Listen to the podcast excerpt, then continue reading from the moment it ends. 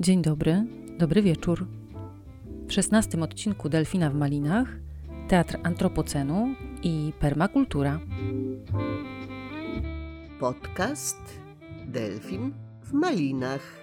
Najnowsze obyczaje z domu i z obejścia.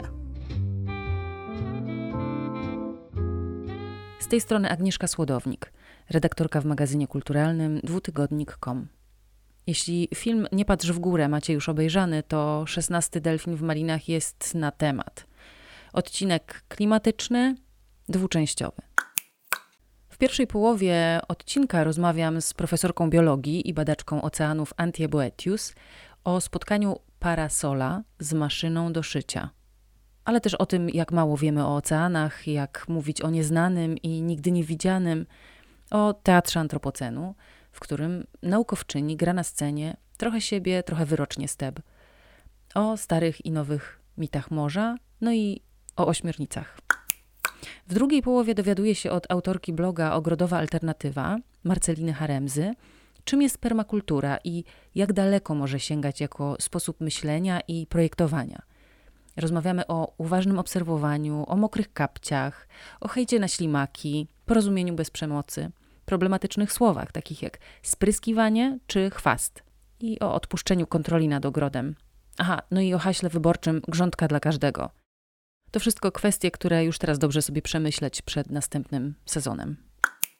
Od jakiegoś czasu w kilku słowotagach staram się oddać klimat danego odcinka na początku, żebyście wiedzieli, czego się spodziewać, na co się nastroić, a może zdecydować, w jakich okolicznościach chcecie słuchać, czy chodząc, czy kąpiąc się, czy gotując. A więc odcinek 16. Długi, ostatni w tym roku. Piwnica Recordings Studio.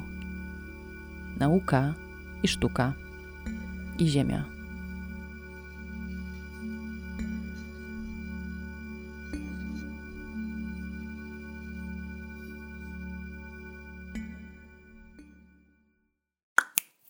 Dowiedziałam się o niej z tekstu Franka Radazza, dramaturga i reżysera teatralnego. Ten tekst opublikowaliśmy w dwutygodniku. Napisałam do Antie Boetius, bo tak się nazywa, tłumacząc się gęsto, że Delfin w Malinach nie jest podcastem o delfinach, ani tym bardziej o malinach. Antie Boetius to profesorka geomikrobiologii na Uniwersytecie w Bremen, jest szefową grupy badawczej Ekologia i Technologia Głębinowa oraz e, jest też dyrektorką Instytutu Alfreda Wegenera w Bremerhaven, który zajmuje się badaniem mórz w regionach okołobiegunowych. Antie Boetius jest współzałożycielką Teatru Antropocenu, w którym także występuje. I was actually thinking that, like I wrote to you in an email, this podcast is never about dolphins. Uh, it was just this, tak jak pisałam ci w mailu, ten podcast, mimo swojej nazwy, nigdy nie opowiada o delfinach. Ta nazwa miała pokazywać, jak wszystko się dziś ze sobą miesza. Ale w przypadku rozmowy z tobą pomyślałam, że po raz pierwszy może być inaczej. Czy masz jakiegoś zaprzyjaźnionego delfina? Have you ever uh, befriended a dolphin in your work? No, maybe more an octopus also, but actually Nie, bardziej ośmiornica. Ale przyjaciół mam głównie w świecie jednokomórkowców, w świecie mikrobów. Pracuję ze specyficznymi rodzajami organizmów jednokomórkowych, które posiadają wyjątkowe zdolności. One organizują naszą planetę, a my ich raczej nie znamy. Bardzo interesują mnie rozwiązania pewnych zagadek związanych z sieciami życia. One są dla nas niewidzialne, a jednocześnie mocno z nami połączone.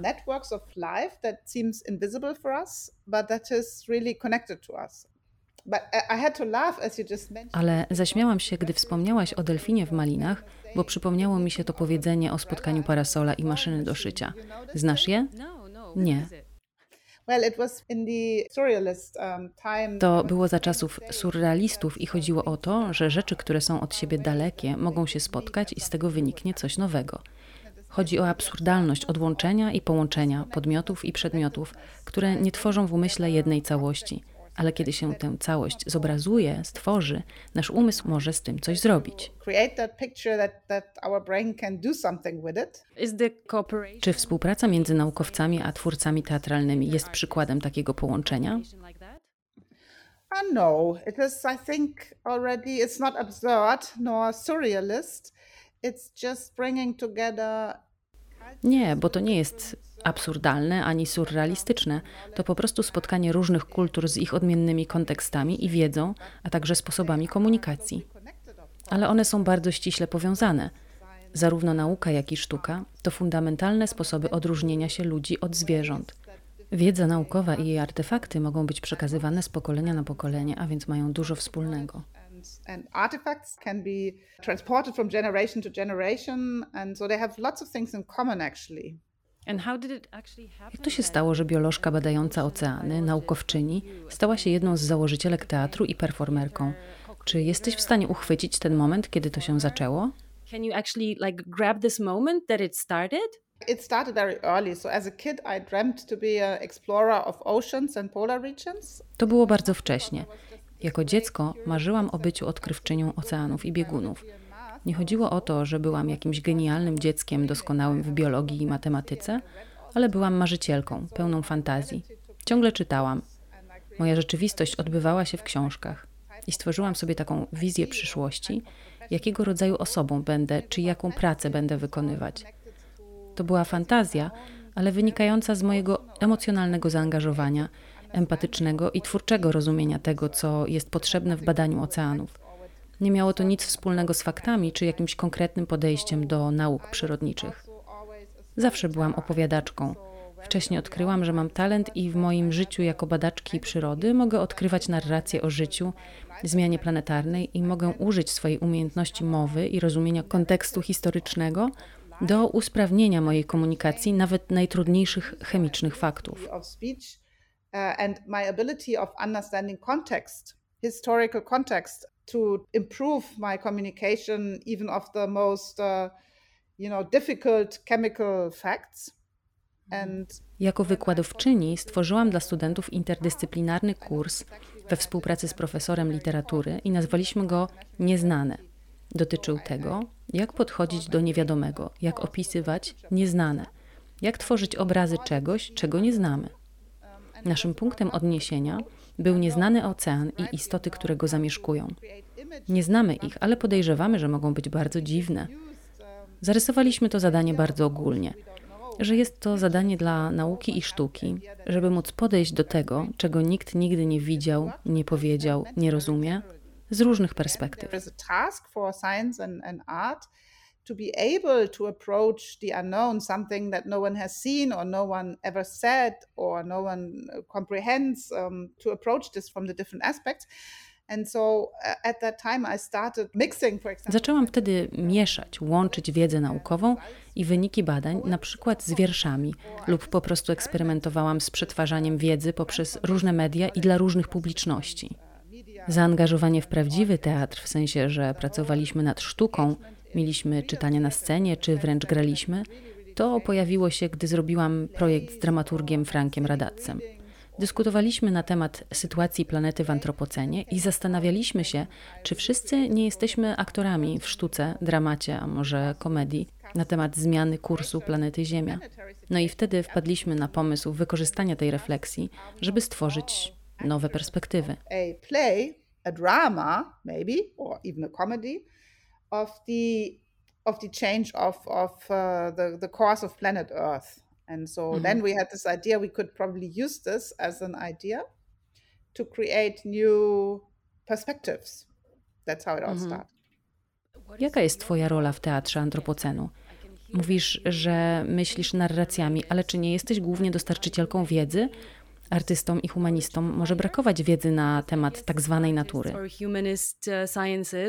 Um, I think uh, they often lack knowledge about, uh, mm-hmm. you know, uh, the so-called nature. Some of my projects I do in the framework of the theater of the Anthropocene. Niektóre projekty robię w ramach Teatru Antropocenu z Frankiem lub bez niego, ale też wiele robię poza teatrem, w innych kontekstach, z innymi ludźmi, muzykami. Teraz pracuję nad filmem science fiction dla telewizji. Nie widzę siebie jako posiadaczki wiedzy. Ja stawiam pytania, wiele pytań. Inni też mają pytania. Chodzi o wrzucenie wszystkiego na scenę i zwrócenie na to uwagi. it is about throwing everything um, onto a stage and shining light on it. Because we th- there are certain questions we have to answer that are not solely coming from the natural Mamy pytania, które niekoniecznie pochodzą z pola nauk przyrodniczych czy humanistycznych, w ogóle nauk. Przykładowo, jeśli postawisz pytanie, jaki jest dziś nasz cel w życiu, moglibyśmy przyjąć różne perspektywy, także religijne czy transcendentalne. Jeśli naszym losem, rolą, przeznaczeniem jest bycie płodnymi i wspieranie nowego pokolenia, to dlaczego niszczymy przyszłość innych, także nie ludzi? be fertile and uh, to uh, support a new generation. And that puts a question on well, if that's our cause of things, so why are we destroying the future of others and even of non human life? And so basically, Zostawiamy delikatną równowagę z naturą i klimatem i wchodzimy w fazę chaosu, który może być omawiany nie tylko z perspektywy nauk przyrodniczych, ale także na bardzo podstawowym, tradycyjnym, filozoficznym, religijnym i innych poziomach. Także z perspektywy dziecka. Mówimy, mamy problem, który jest tak ogromny, że cała wiedza jest tu potrzebna. Może być ze sobą łączona i używana. One of my most exciting moments uh, in this theater project yet was to be really an actor on stage. I mean, I played in a way myself a scientist, but I was basically um. Jeden z najbardziej ekscytujących dla mnie momentów w tym projekcie teatralnym było zagranie na scenie.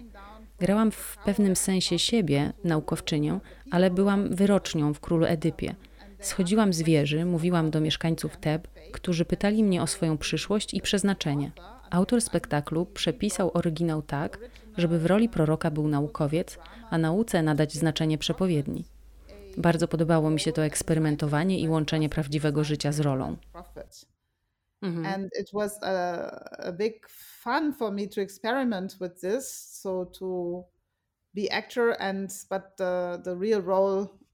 in a mix up.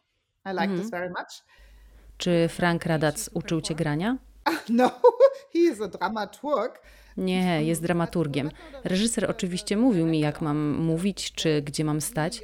Inne aktorki też zadbały o mnie, uczyły mnie różnych rzeczy.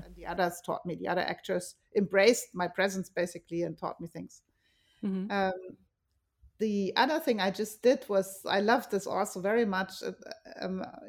Inna rzecz, którą niedawno robiłam i bardzo mi się podobała, to występ ze świetną wiolonczelistką.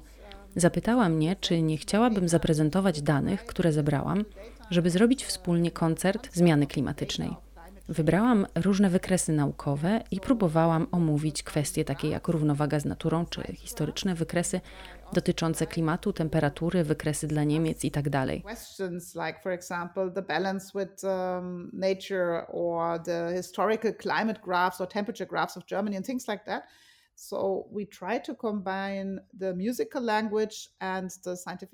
Próbowałyśmy połączyć język naukowy z językiem muzyki. To było naprawdę mocne, kiedy robiłyśmy to razem. Zrobiło na publiczności bardzo duże wrażenie. Obie byłyśmy zaskoczone, jak ludzie mówili nam, że w ten sposób te dane dotknęły ich bardzo głęboko.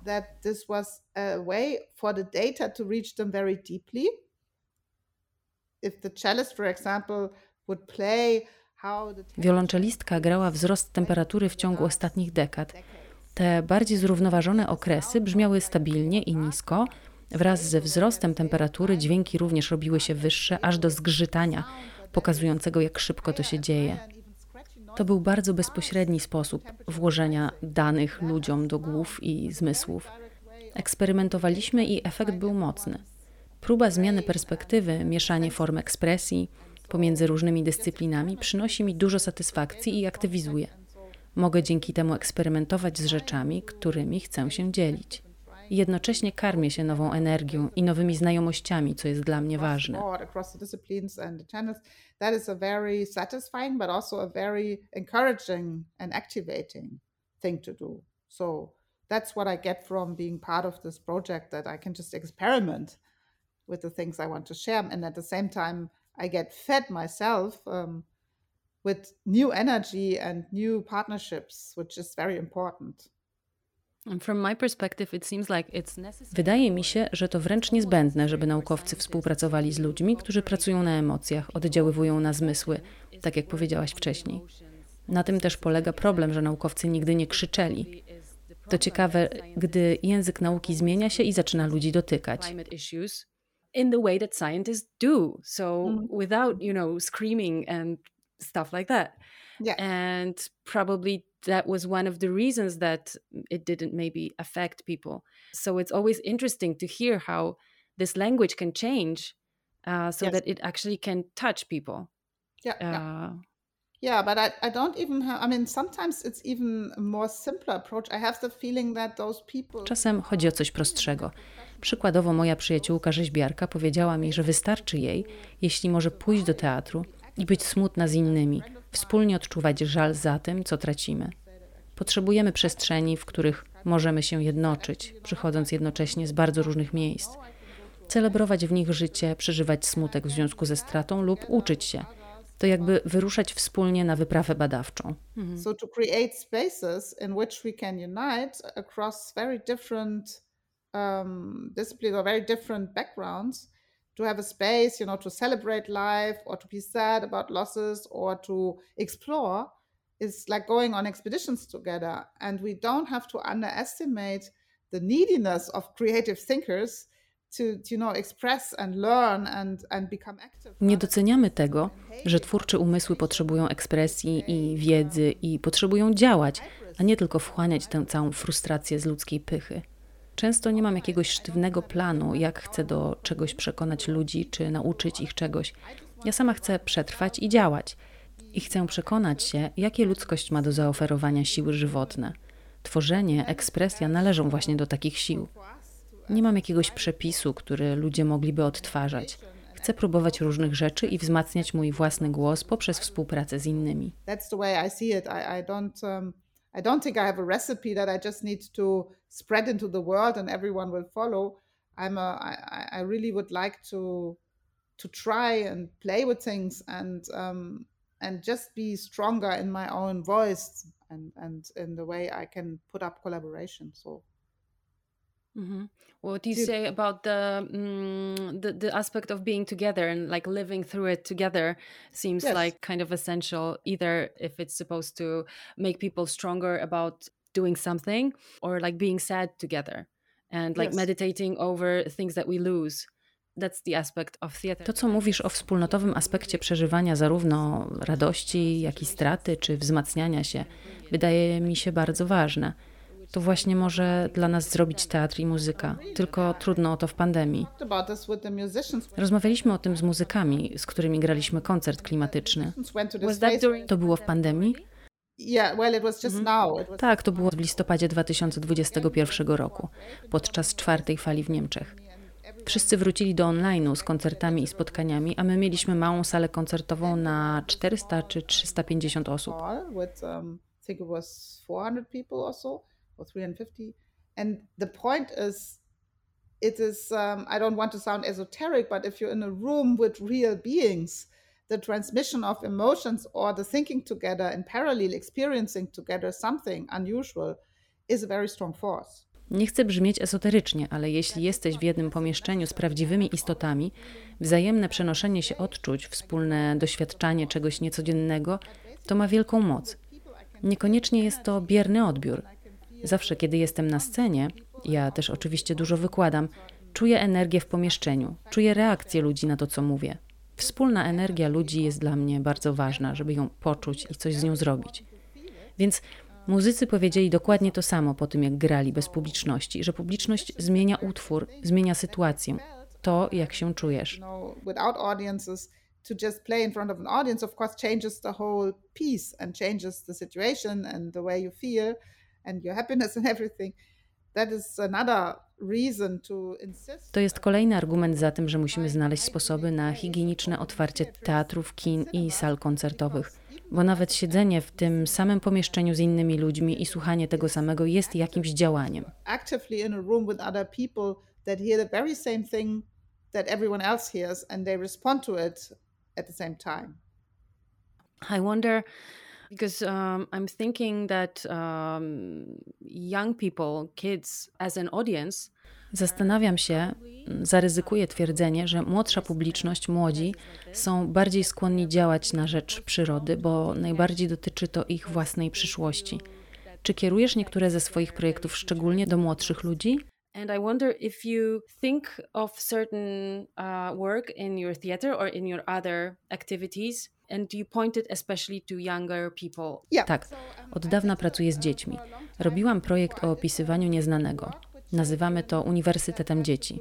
Spotykałam się z dziećmi w wieku od 6 do 8 i od 10 do 12 lat i pokazywałam im zdjęcia z moich badań życia głębinowego i dyskutowaliśmy o tym, czy to życie, te byty cię poruszają, czy są piękne, czy brzydkie, jaką relację miałabyś z rybą, która wytwarza własne światło, albo z ogromnym robalem, albo czymś, co wygląda jak pająk albo gąbka. What is with this life? Does it does it touch you? Is it beautiful to you? Is it ugly? What what kind of a relationship would you have to a fish that can make its own light uh, that is bioluminescent mm. or a gigantic worm? or uh, something that looks like a spider or a sponge or so on. And so basically, together with the kids, we developed this question of why do we have um, w ten sposób razem z dziećmi zastanawialiśmy się nad kwestią estetyki nieznanego życia i tego, jak podchodzić do życia, którego nie znamy. To coś, co z łatwością można robić z dziećmi, dyskutować na bardzo zaawansowanym poziomie. Inna rzecz, którą robiłam z dziećmi, to było spotkanie ze mną, podczas którego dzieciaki mogły być głośne i rzucać mi szybko nieskończoną ilość pytań na temat przyszłości. Odkryłam, że dla nich bycie ciekawymi jest formą działania. Sama możliwość zadawania pytań oraz możliwość oceniania, przemyśliwania odpowiedzi dorosłych. To bardzo emocjonujący proces, a jednocześnie bardzo naukowy. Z dziećmi to jest świetne, bo nie są jeszcze zdyscyplinowane, ich umysły nie siedzą w kwadratowych pudełkach. Um,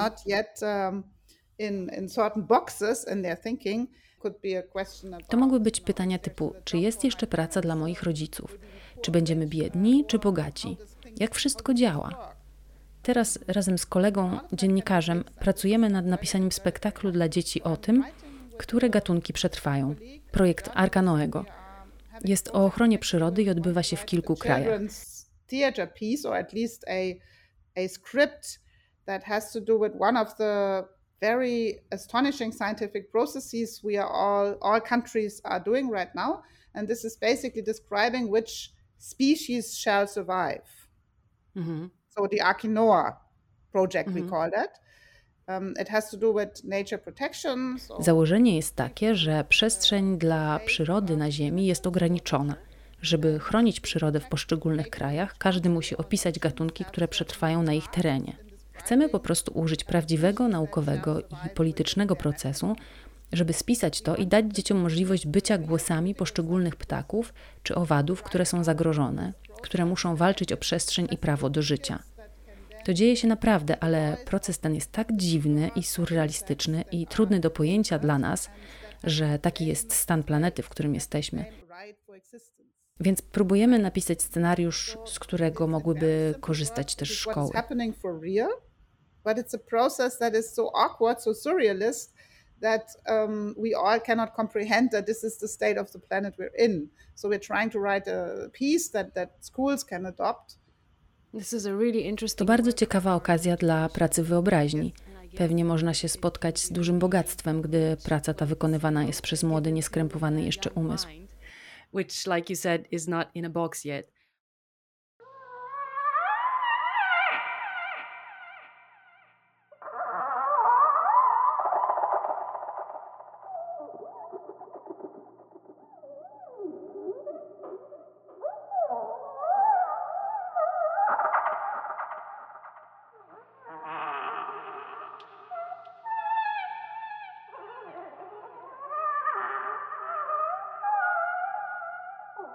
Ameba wyciąga niby nóżkę, a delfin śpi z jednym okiem otwartym.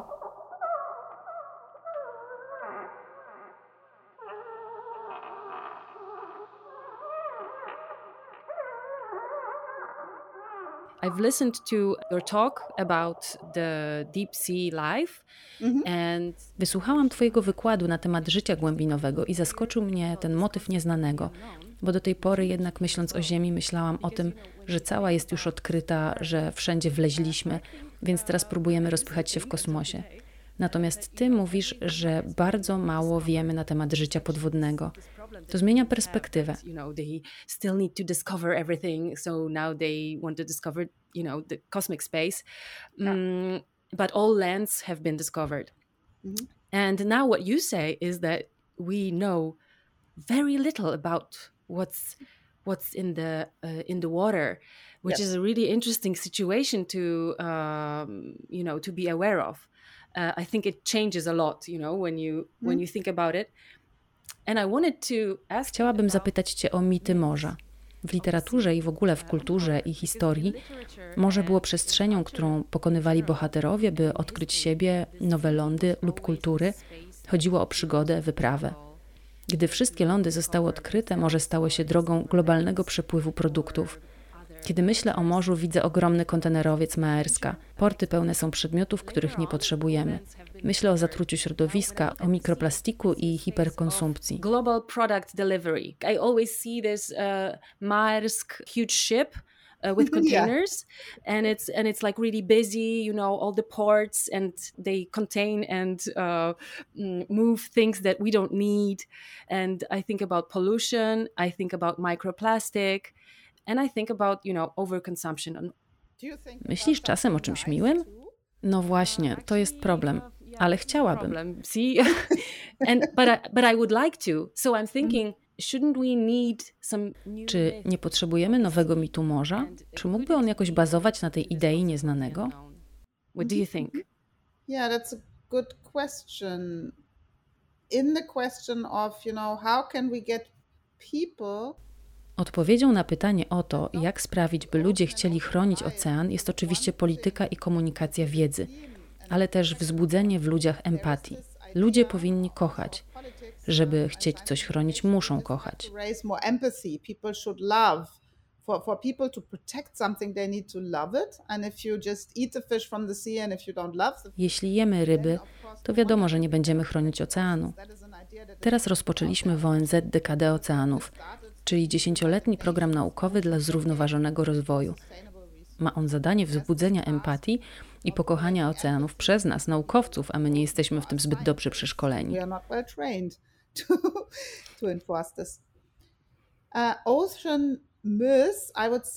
Nadal pokutuje mit morza z lat 80. o tym, że możemy wzbogacić się jeszcze bardziej eksploatując morze. Inny mit. Ludzie często mówią, że nasza krew ma taką samą konsystencję jak woda, albo że całe życie pochodzi z oceanów, albo że w każdym wdechu jest tlen pochodzący z oceanów.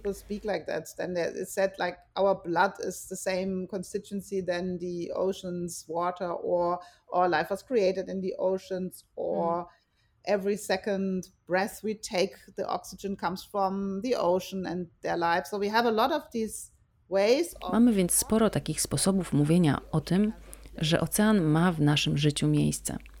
Ale żeby uchronić się przed chaosem i zniszczeniem, które trwa, myślę, że jest czas końca mitów, a czas zrozumienia, że potrzebujemy bardzo konkretnych zasad postępowania z globalnym przemysłem.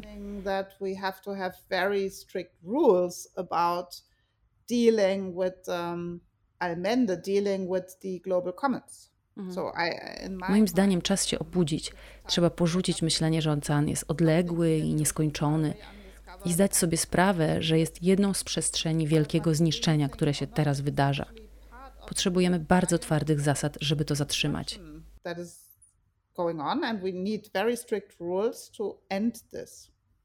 Mhm. You know, as a, as a Nurkujesz, więc jesteś w bliskim kontakcie z życiem wodnym i masz dużą wiedzę o tym, co jest nie tak. Jak sobie z tym radzisz emocjonalnie? Wielu ludzi popada w obliczu wiedzy w tak zwaną depresję klimatyczną. Czują się bezsilni, to ich przerasta. I w ten sposób zbyt duża świadomość przynosi skutki odwrotne do zamierzonych. Czy masz jakiś sposób na zachowanie higieny psychicznej? Jakąś sztuczkę? Kind of hopeless and um, and just feel that this is so overwhelming that it mm-hmm. actually is is counterproductive.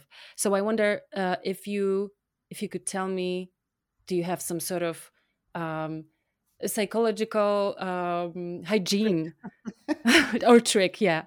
mm, no, I think knowledge is that that trick. So I can I will never. Moją sztuczką jest wiedza.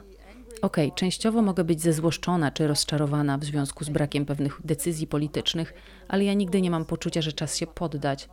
Po prostu wiem, jak działa planeta, jak funkcjonują oceany i widzę małe miejsce dla nas ludzi, żeby coś naprawić. Um,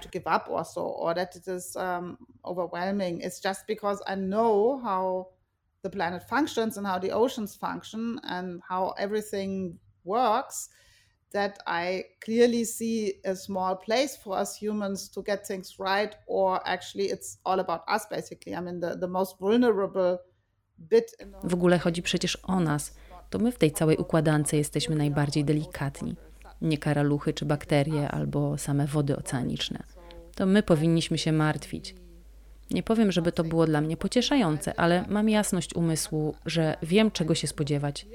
Może to kwestia osobowości, ale muszę powiedzieć, że nie znam zbyt wielu naukowców, którzy byliby sfrustrowani bądź zgorzkniali. Nawet jeśli wiedzą dokładnie, jak jest źle, wystarczy dać naukowcowi jego temat badawczy, a on będzie przeszczęśliwy, że może się nim zająć. Ja mam to samo. Straszne jest dla mnie mówienie ludziom o zniknięciu raw koralowych, którego doświadczymy, lub lodu arktycznego, ale potem zawsze mogę powiedzieć, co możemy zrobić i mam nadzieję, że pomagam zaktywizować ludzi i samą siebie. Wydaje mi się, że to obezwładnia ludzi, którzy nie rozumieją ciągu przyczyn i konsekwencji, gdy to wszystko jest tajemnicze. To musi boleć i sprawiać, że człowiek czuje się bardzo mały. I, I have the feeling it hits people who don't even understand causes and consequences.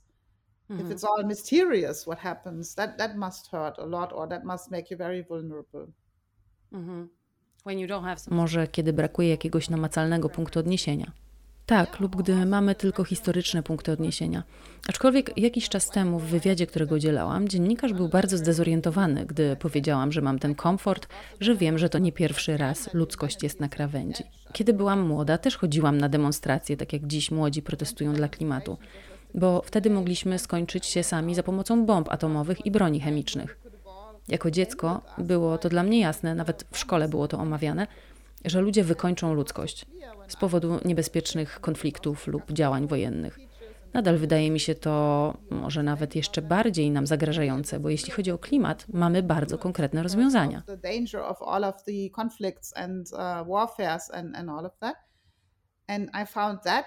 and I still find it almost even more threatening um, than the situation we're in because we have a clear we have a clear path of solutions, even if not everyone is on the right track yet. Mm-hmm. I think we are already on the right path for major solutions. Yeah, it seems like there's a very concrete list of things to do, like yes. point by point. Uh, there's, there's no question about that. It's more about a question about how. Rzeczywiście jest lista rzeczy do zrobienia punkt po punkcie. Pytanie, jak sprawić, aby ludzie u władzy tę listę zrealizowali. Dokładnie. I zauważyłam, że ludzie, też w teatrze, w swoich głowach odpuścili, stracili wiarę w możliwość działania polityków i stowarzyszania się, współpracy jako narzędzia. Co uważam za dziwne, bo jak myślę o tym, jak działa taniec, muzyka, orkiestra, to wszystko polega na współpracy. Kiedy połączysz siły, wtedy wychodzi sztuka.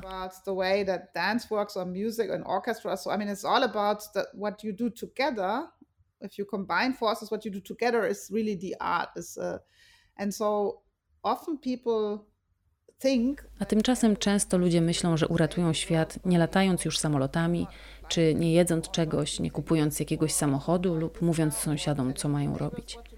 Ta idea zindywidualizowanej przyszłości i zapomnienie o idei zebrania się razem, że musi być nas dużo i musimy wymagać od polityków dobrych decyzji, zaskakuje mnie, jak często bierzemy to na siebie zamiast domagać się ścieżki rozwiązań lub jej bronić.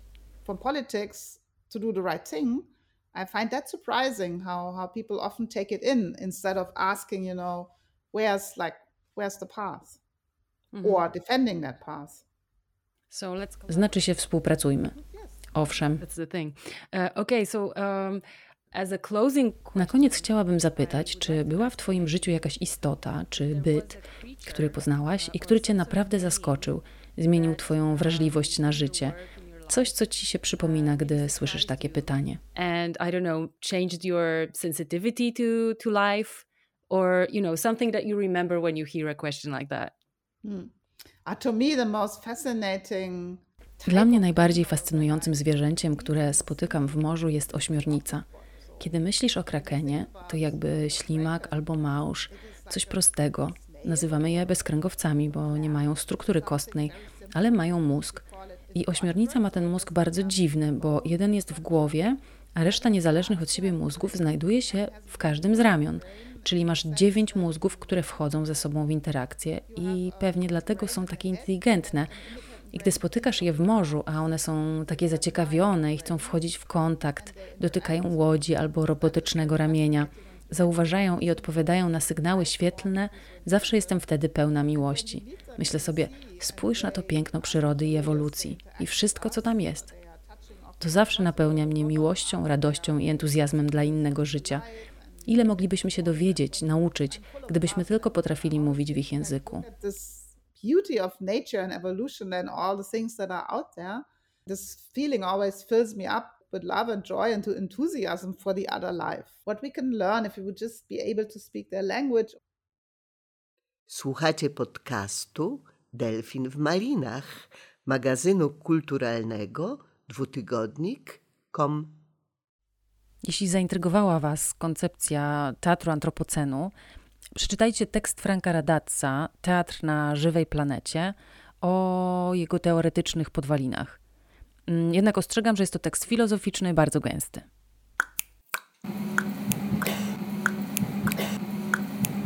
Zaskoczyła mnie ta zima w grudniu, więc kiedy przyszło co do publikowania rozmowy z Marceliną Haremzą, z którą rozmawiałam późną jesienią, okazało się, że o tworzeniu żywej gleby teraz już mowy nie ma. Marcelina napisała mi w mailu: gdy ziemia skuta lodem i spadł śnieg, to po sezonie pracy wznawiamy wiosną, gdy ziemia rozmarznie. Śnieg to duże błogosławieństwo, również chroni glebę. O Marcelinie także dowiedziałam się z tekstu w dwutygodniku. Napisał go Krzysztof Marciniak i dotyczył permakultury, ale ja miałam niedosyt. Marcelina Haremza to projektantka ogrodów i edukatorka. Jest wykształcona na Wydziale Ogrodnictwa i Architektury Krajobrazu, więc w rozmowie ze mną opowiada też o tym, jak musiała się pewnych rzeczy oduczyć, ale też y, studiowała na Wydziale Nauk o Żywności i Żywieniu ze specjalnością dietetyka na Uniwersytecie Przyrodniczym w Poznaniu. Prowadzi blog Ogrodowa Alternatywa, gdzie pisze o permakulturze i samowystarczalności żywnościowej. Teraz ma takie marzenie na najbliższy czas, y, żeby stworzyć wielkopolski społeczny dom nasion, oraz ekowioskę w Wielkopolsce, która tworzona by była właśnie w oparciu o zasady projektowania permakulturowego. Wbrew pozorom, to nie jest zły czas, żeby porozmawiać o permakulturze. To znaczy, jest koniec sezonu, tak zwanego, ale jeśli chciałoby się coś zacząć działać, to fajnie sobie przemyśleć parę rzeczy przed następnym sezonem. Ten koniec sezonu to jest, to jest najlepszy moment, żeby zacząć właśnie zakładać swoją własną permakulturę i coś tam zaczynać robić w ogrodzie, więc to wcale nie jest e, taki okres spokojny dla permakulturzystów, bo oni teraz właśnie ściółkują, teraz e, szykują się e, na, na przyszły sezon. Czyli przygotowują glebę. Dokładnie, bo nie chcemy mhm. je zostawiać, wiesz, odkrytej i takiej mhm. bezbronnej na, na czas zimowy, także to jest, jeszcze teraz jest czas wzmożonej pracy mimo wszystko też to w sumie u siebie obserwujesz. Ja już na przykład z ulgą sprzątałam swoje, swoje właśnie grządki, e, już planując, co ja będę robiła w przyszłym roku, więc to jest dosyć mhm. taka zabawne, jak, jak ktoś już złapie tego baksyla ogrodniczego. Zapisałam się na grupę e, dyskusyjną na Facebooku Ogrody Permakultury i tam osoba prowadząca tą e, grupę przygotowała takie plansze z definicjami, z hasłami. Z jednej strony opisują takie pojęcia jak mikoryza, szklarnia, słoma, kura, a z drugiej strony są tam plansze takie jak czas, życie, e, wzorzec i piękno. Szeroko bardzo. Także powiedz mi proszę, humanistce, co to jest w ogóle permakultura? Faktycznie dla osoby, e, zwłaszcza dla, dla humanistki, jeśli nie masz doświadczenia z jakimiś naukami przyrodniczymi, mhm. E, to permakultura w pierwszym momencie faktycznie jest troszkę przytłaczająca, taka onieśmialająca. W ogóle samo ogrodnictwo, nawet już pomijając fakt permakultury, która nie odnosi się tylko do ogrodnictwa, samo ogrodnictwo, jeśli jesteś osobą zupełnie zieloną i chcesz w to wejść po raz pierwszy, nie mając żadnych tradycji rodzinnych i doświadczenia, no, potrafi przygnieść człowieka. Więc jednak permakultura to jest taki wyższy poziom tej wiedzy. No i też tu chciałam rozróżnić, to ogrodnictwo jednak jest tylko małym elementem permakultury, permakultura tak naprawdę sięga do wszystkiego, nie? Ogrodnictwo też w małym stopniu, ale to jest bardziej taka dziedzina mądrego projektowania, tak bym to nazwała. Też mam perspektywę na przykład, wiesz, pięciu lat e, studiów e, na kierunku ogrodnictwo, kształtowanie terenów zieleni, więc mam takie solidne podstawy, które pozwalają mi gdzieś tam rozumieć właśnie, jak funkcjonuje cała przyroda dookoła nas. Ale mimo wszystko właśnie po skończeniu studiów, jak e, zaczęłam mieć styczność z permakulturą, to zorientowałam się, że ta moja wiedza to nadal jest mały procent jakby tego, co, co powinnam wiedzieć, co powinnam umieć. Nadal wiem, że nic nie wiem i nadal się uczę. To jak prawdopodobnie ty się czujesz, nie przejmuj się absolutnie.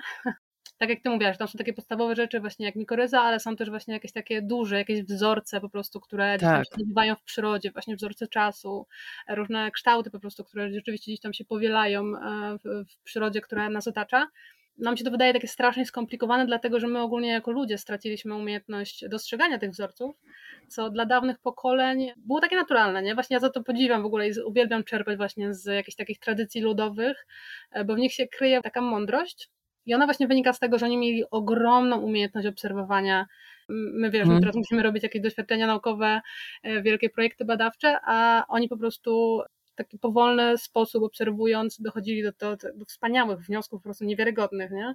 Powiedziałeś, że to jest y, pojęcie, które oznacza mądre projektowanie. Spróbujmy to trochę zawęzić, w sensie projektowanie czego. Ja mam taką książkę Wprowadzenie do permakultury. Tam jest jakby głównie mowa o projektowaniu siedliska, które się składa z wielu okręgów, e, w których są kolejne jakby kategorie upraw, czy...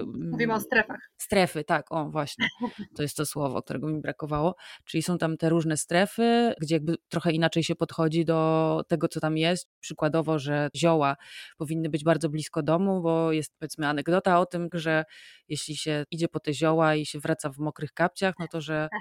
to jest za daleko, bo one muszą być pod ręką.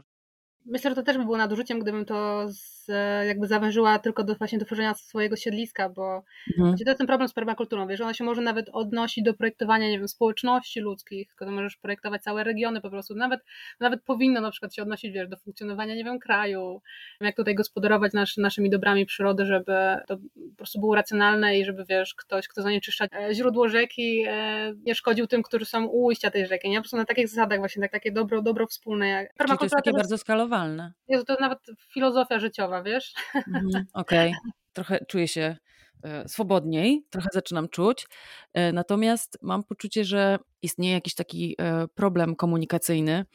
Wracając do tej grupy dyskusyjnej, obserwowałam ją sobie przez jakiś czas, głównie w sezonie ciepłym, szukając jakiejś inspiracji, właśnie po to też, żeby poczuć o co chodzi. I się trochę zraziłam ze względu na to, że było dużo takich antagonizmów, powiedzmy, pomiędzy osobami, które są bardzo zaawansowane w permakulturze i bardzo jakby głęboko w tym siedzą i mają bardzo mhm. dużą wiedzę a osobami, które są amatorami, które na przykład dopiero zakładają jakiś ogródek działkowy albo mają jakiś ogródek przydomowy i chcą coś tam zrobić na taką bardzo małą skalę, ale się nie znają i zadają jakieś pytania i są atakowane dość mocno. Widać tam duży poziom jakby krytyki. Jednocześnie zaobserwowałam taki spory problem w komunikacji pomiędzy osobami, które są zawodowymi rolnikami. Na przykład ktoś ma jakieś gigantyczne pole i tam ma malinę i po prostu chce ją sprzedać, więc zależy mu na tym, żeby ta malina przetrwała, a nie żeby ją coś zeżarło innego niż klienci, versus właśnie jacyś działkowcy, którym, no jak coś tam, nie wiem, ślimaki zjedzą sałatę, no to, to tragedii wielkiej nie będzie. Jakieś były inby o ślimaki, o mszyce i w ogóle, że w tych kwestiach e, ślimaków się, miałam wrażenie, przegląda taki, jakby to powiedzieć, strasznie trudno mi się w ogóle mówi o tym, Mhm. Nie znajduję właśnie języka za bardzo i o tym języku jeszcze bym chciała później rozmawiać. Tutaj jakieś ładne zdjęcie, zobaczcie jak ślicznie, a za chwilę jest e, hejt na ślimaki i e, rozmowa o tym, co z nimi zrobić. Czy pokojowo wynieść je gdzieś tam do parku, e, czy jednak kąpać je w occie albo w piwie, albo po prostu deptać. No i w ogóle się z tego jakaś kłótnia straszna jakby rozwija ty, z tego co wiem, stawiasz w takiej komunikacji na ten temat na, na mhm. porozumienie bez przemocy, które kojarzy się głównie z jakby metodą komunikacji w rodzinie, szczególnie w momencie, kiedy się ma dzieci. Mogłabyś opowiedzieć trochę o tym właśnie, czym dla ciebie jest ta komunikacja w twoich działaniach? Wiesz co, może zacznę od tego, że do całej tej sytuacji właśnie, którą obserwowałaś na forum, bo myślę, wydaje mi się, że to jest w ogóle właśnie e, eskalacja jakby tylu naszych problemów społecznych i tego, mhm. jak my łatwo dajemy się dzielić. Więc to jest tylko jakiś taki wierzchołek e, góry lodowej, dlaczego to, to wygląda w ten sposób, nawet na, na grupach permakulturowych. Mhm. I to też wynika z tego, że e, do grup dołącza wiele osób właśnie, które gdzieś tam dopiero zetknęły się z tą ideą, z czego z jednej strony się cieszymy, a z drugiej strony się troszkę tego obawiamy, jako powiedzmy osoby, które starają się ludzi edukować, że ona jak trafia do mainstreamu, to ta permakultura troszeczkę się właśnie spłyca. I myślę, że stąd wynika to napięcie takie, że e, wielu osobom zależy właśnie, żeby do tego e, nie doszło i dlatego starają się tak ściśle jakby trzymać tych, e, mhm. tych reguł. I teraz właśnie to też troszeczkę wkracza to NVC, bo w ogóle NVC to też jest tak jak dla mnie jak permakultura, ono powinno być, ono powinno być po prostu stosowane wiesz wszędzie i faktycznie można je przełożyć mhm. na każdą dziedzinę naszego życia, nie tylko właśnie na, na komunikację z dziećmi, co dla mnie było też takim kluczowym bodźcem Chociaż może nawet nie, bo bardziej chyba z, ze względów związkowych e, NVC mhm. pojawiło się w moim życiu.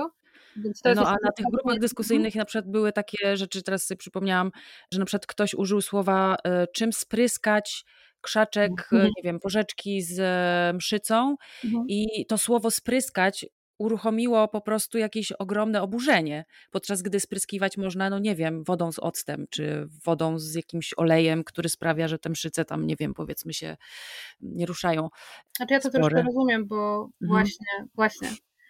To jest też no. duży, duży, problem nas jako ludzi, że my mamy taką ogromną potrzebę kontroli e, otoczenia w ogóle wszystkiego, co się dzieje dookoła nas i właśnie z tego wynika e, najwięcej naszych problemów, które wygenerowaliśmy dookoła siebie wiesz, to jest takie moje ulubione jakby powiedzenie, że przyroda jest takim wspaniałym eksperymentatorem i ona po prostu przez te miliony lat, wiesz, prowadziła różne doświadczenia, e, tego eksperymentowała i to, co się nie sprawdzało, po prostu usuwała, więc jakby te formy, które my teraz obserwujemy, po prostu są idealne i e, te wszystkie dopasowania między elementami znajdującymi się w przyrodzie są po prostu tak genialne, że e, nie sądzę, żeby jakiś człowiek był to w stanie ogarnąć swoim umysłem, wiesz, zrozumieć te mm. wszystkie powiązania.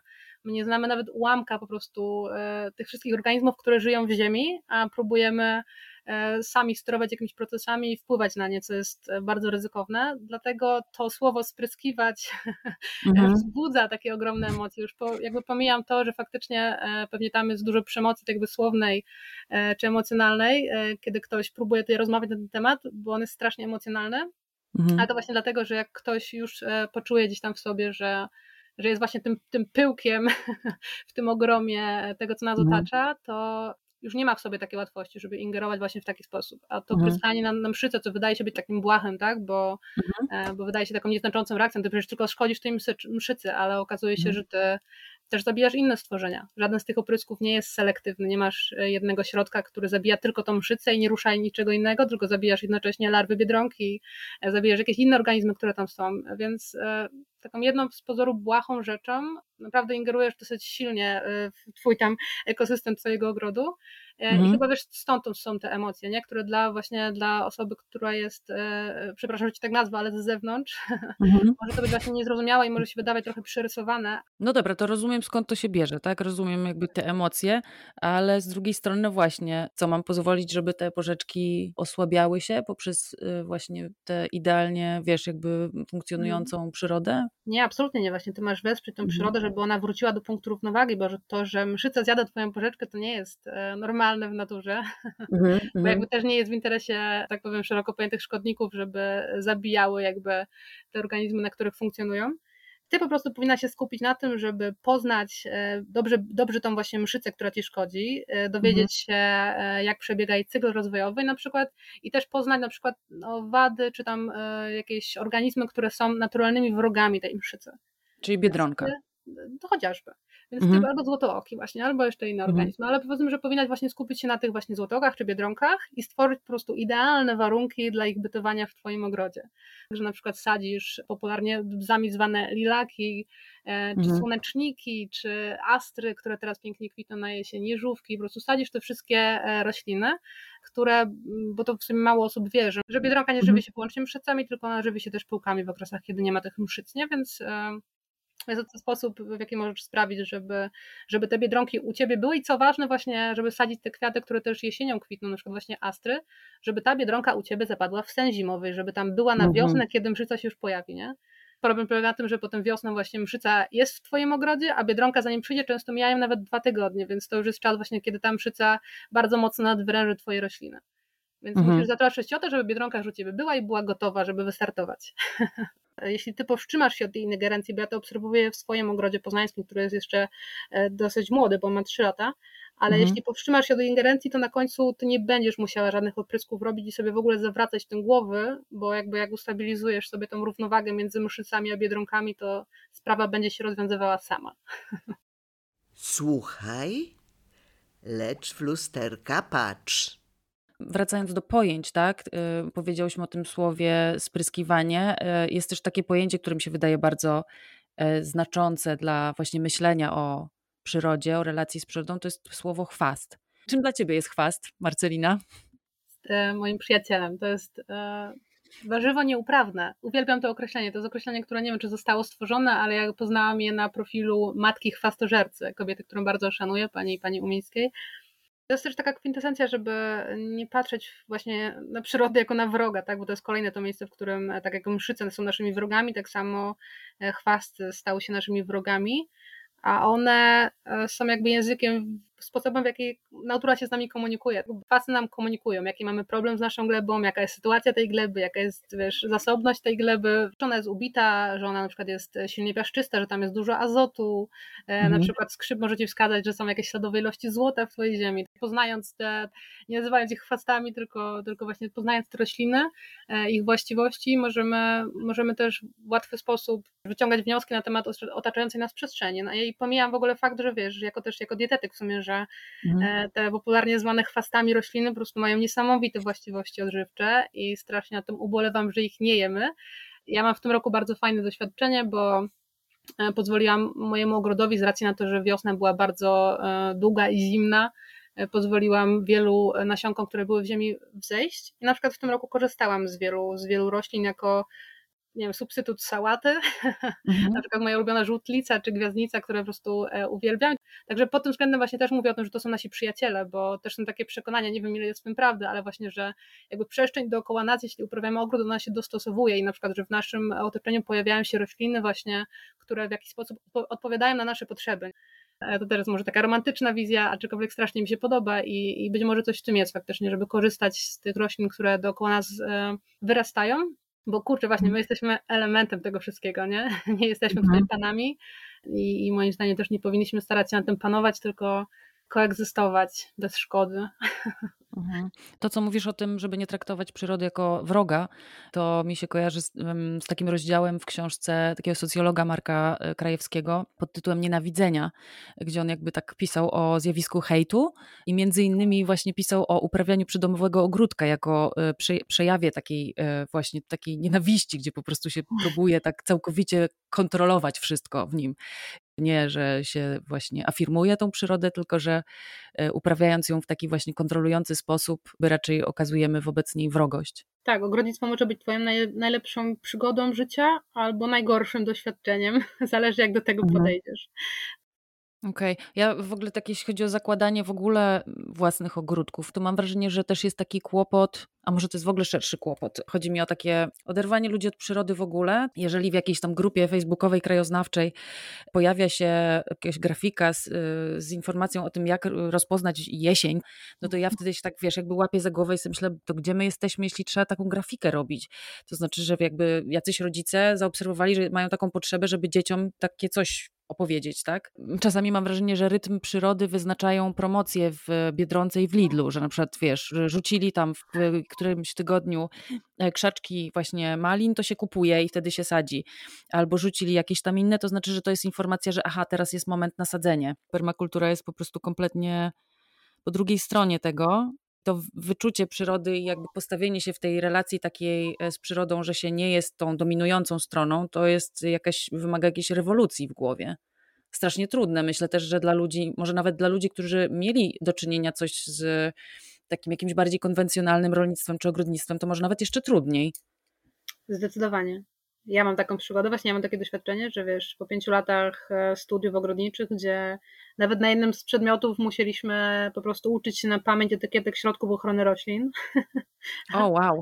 To, to faktycznie, faktycznie uprawianie takiego ogrodu, który właśnie, wiesz, jest dosyć swobodny, w sensie, że, że faktycznie, na przykład tak jak w tym roku, w ogóle w tym roku to jest dla mnie takie totalne szaleństwo, faktycznie jakiś taki wielki eksperyment, że ja pozwoliłam temu ogrodowi, tam gdzie coś wzeszło na przykład, bo tam, bo tam ptaki rozrzuciły nasiona słonecznika, no to tam ten słonecznik rósł i e, mhm. nie powiem, że mnie to jakoś tam nie bolało, bo jednak jestem po specjalizacji kształtowanie terenów zieleni, więc wiesz, ja się właśnie wywodzę z takiej tujozy typowej, że masz e, pod stój równiutki, do tego szczyżony trawniczek, piękne hortensje, właśnie wiesz, ja z tego jakby wyrastam. E, mhm. I faktycznie jest to jakiś tam rodzaj dla mnie terapii i, i tego odpuszczania. I to już trwa, wiesz, kilka lat i ja nadal tak mam, że, że wizualnie e, nie, nie, nie, nie biją mnie tak mocno w oczy takie właśnie równe ogródki, przyszczerzone trawniczki, e, aczkolwiek mój ogród wygląda całkiem inaczej i, i to, jest, to mhm. jest ogromny proces, który zachodzi, nawet mówię, ja uwielbiam porównywać to do terapii, bo to jest naprawdę wypycha gdzieś tam człowieka ze strefy komfortu, tak jak mówisz, na przykład pierwszy rok tutaj w tym nowym ogrodzie e, no był strasznie trudny, bo no, mszyca się ogromnie rzuciła, wiesz, w końcu była jakaś taka różnorodność, zero oprysków i to była po prostu masakra, że miałam wszystko obklejone właśnie od, od, od tej wydzieliny mszyc i to powstrzymanie się od tej, tej reakcji, nie? To mhm. jest też bardzo trudne, właśnie odpuszczenie tej kontroli, to musisz troszkę poświęcić e, tych swoich plonów, no bo e, moja czereśnia nie wyglądała zbyt ciekawie, moje poczeczki też nie wyglądały zbyt ciekawie, tych owoców było mniej, i to trzeba, to trzeba przejść, to trzeba przetrwać. Pierwsze, powiedzmy, nie moim zdaniem, 2-3 lata, chociaż niektórzy mówią, że to nawet jest dłuższy okres, kiedy ta równowaga biologiczna się ustala, jest po prostu momentami trudny, chociaż mnie tutaj Poznań e, dosyć łaskawie jakby potraktował, mam wrażenie. Jestem pod wrażeniem tej różnorodności, którą tu się udało wytworzyć w tak krótkim czasie, naprawdę. Czyli tak naprawdę jakby założenie ogrodu czy ogródka permakulturowego, nie zaczynamy go od pracy nad glebą, tylko pracy nad sobą. To można jednocześnie. Właśnie, że najlepiej, najlepiej jednak e, człowiekowi się, się rozwija też duchowo i wewnętrznie, właśnie kiedy wiesz, ma, ma szansę w ciszy najlepiej popracować właśnie z glebą. Dla mnie na przykład pierwsze lata w ogóle uprawiania ogródka, w ogóle, w ogóle, mhm. w ogóle, to jednak było tak, że wpadałam w jakiś taki szał, że nie mogłam się zatrzymać z czymś takie odpuszczanie jest y, czymś bardzo trudnym. Z perspektywy e... czasu ogrodnictwo stało się dla ciebie wytchnieniem czy e, źródłem frustracji? Wiesz co, przez pewien czas frustracji, ale już teraz, y, już teraz obcując z tą ideą permakultury, nawet z tymi dyskusjami, które są dla mnie trochę mm, straszne, ale jednak przynajmniej mi pokazują mhm. różnorodność postaw i jakby też wtedy mogę zobaczyć swoje postawy w tym. I teraz już tak czuję y, większy, mm, spokój. Plus to, co mówisz na przykład o tym, że nie wiem, ogród potrzebuje 2-3 lata, żeby się, jak się go jakby zostawi, tak, przestanie się mm, tak go kontrolować, że on potrzebuje tyle czasu, żeby sam pokazał, co jest dla niego dobre, to też pokazuje, jak dużo cierpliwości to wymaga od tak. człowieka, który chciałby szybko i natychmiast. To jest kolejna rzecz, która leczy, tak, permakultura z tego leczy. Niestety większość szybkich rozwiązań nie jest e, dobrymi rozwiązaniami jest właśnie też taka trudna, w sumie właśnie to chyba jedna z trudniejszych rzeczy właśnie, która jest w permakulturze, która jest podstawą w ogóle wszystkiego, właśnie obserwuj i wyciągaj wnioski. Mhm. I to jest po prostu najtrudniejsze, bo tak jak na przykład chcesz zbudować swoje siedlisko, to pierwszą rzeczą, którą powinnaś zrobić, to właśnie przez rok dokonywać obserwacji. To jest takie optimum, ale to jest rzadko jakby e, ma, ma miejsce w ogóle, bo e, trudno się zdobyć na taką cierpliwość, nie? Mhm. No tak. Ale też wydaje mi się, że yy, odwołam się do czegoś takiego, że potrzebne jest też poczucie sukcesu. Na przykład mnie bardzo ośmieliło do jakichś tam właśnie działań fakt, że y, groszek cukrowy, za każdym razem co roku jak go sadzę, to on mi po prostu wychodzi. To jest z kolei ośmielające, że ta współpraca z tą rośliną wyszła.